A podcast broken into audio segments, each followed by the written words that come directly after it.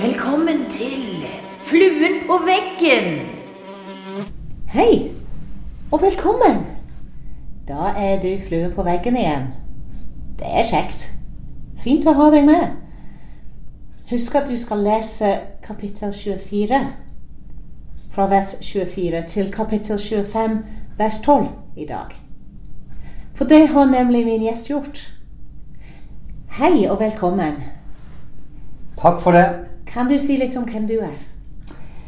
Mitt navn er Just. Og jeg eh, ja, har ei kone, har tre barn. Så har jeg vært prest i ca. 20 år. Og omtrent en tredjedel av de har jeg bl.a. vært her i Tananger menighet. Så jeg var sogneprest fram til for ett og et halvt år siden. Og det er kjempekjekt at du ville komme tilbake og være med på dette. Glad for å bli spurt om det.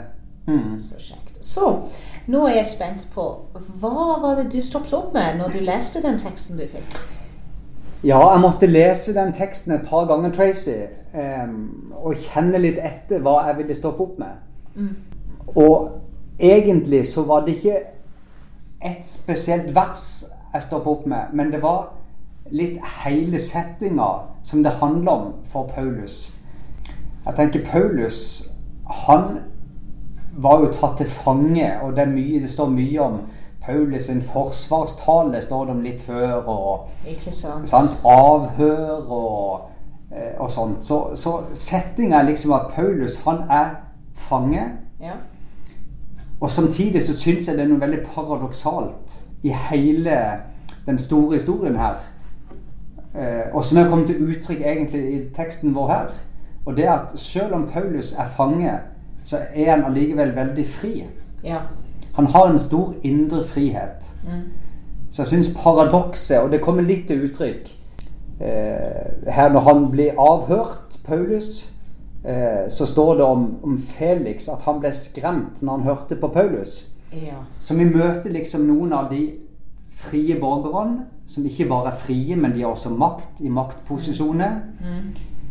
som allikevel er veldig bundet til makta, bundet til systemet de er i. Ja. Som en kontrast til Paulus, som jo er fanga, men allikevel framstår veldig fri.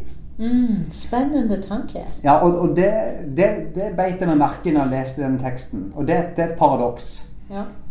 Og da tenker jeg videre at det er kanskje ikke så rart at Paulus er sånn, for det tror jeg han må ha lært av sin mester, Jesus.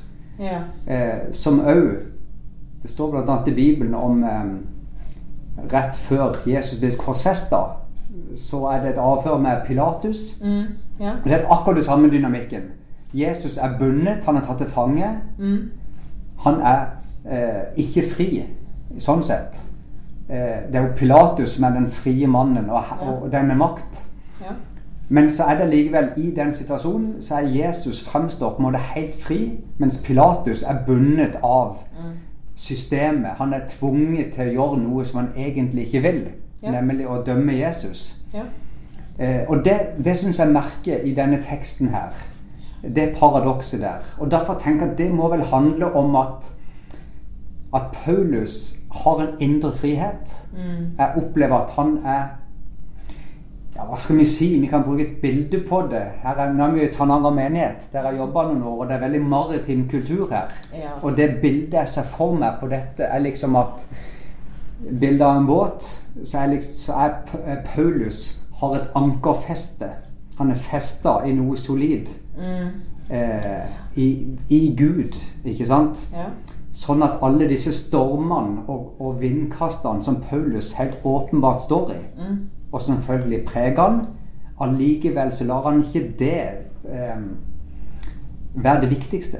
Han er liksom fri midt i disse stormene. Mm. Han er festa i Gud.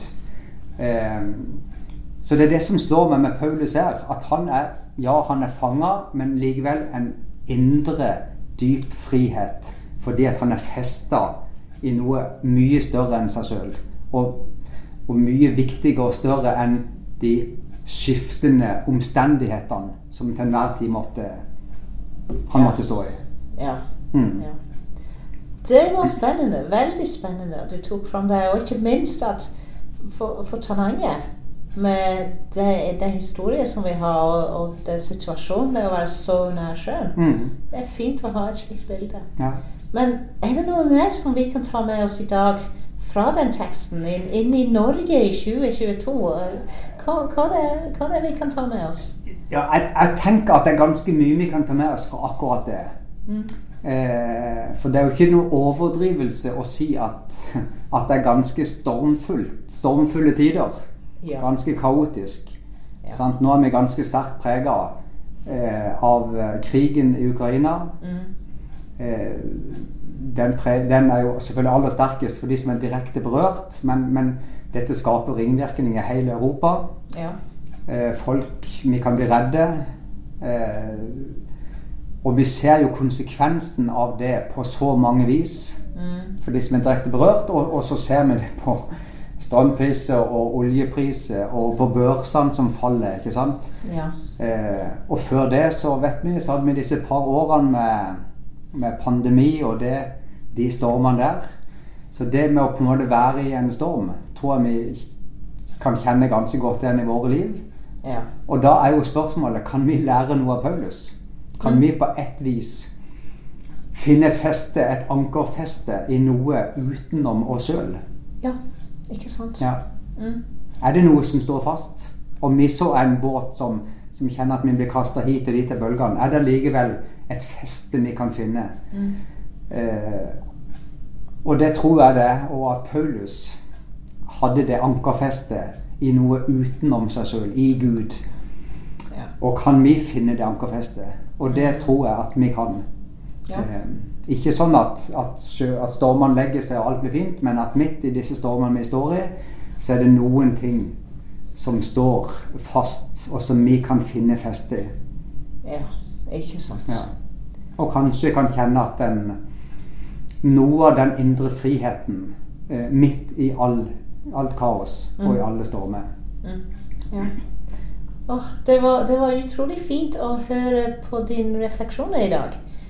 Tusen takk at du tok utfordringen om at du eh, har lest litt gjennom teksten og gjort deg noen tanker, og også kommet hit for å um, podde sammen. Takk for det. Takk for at jeg fikk komme.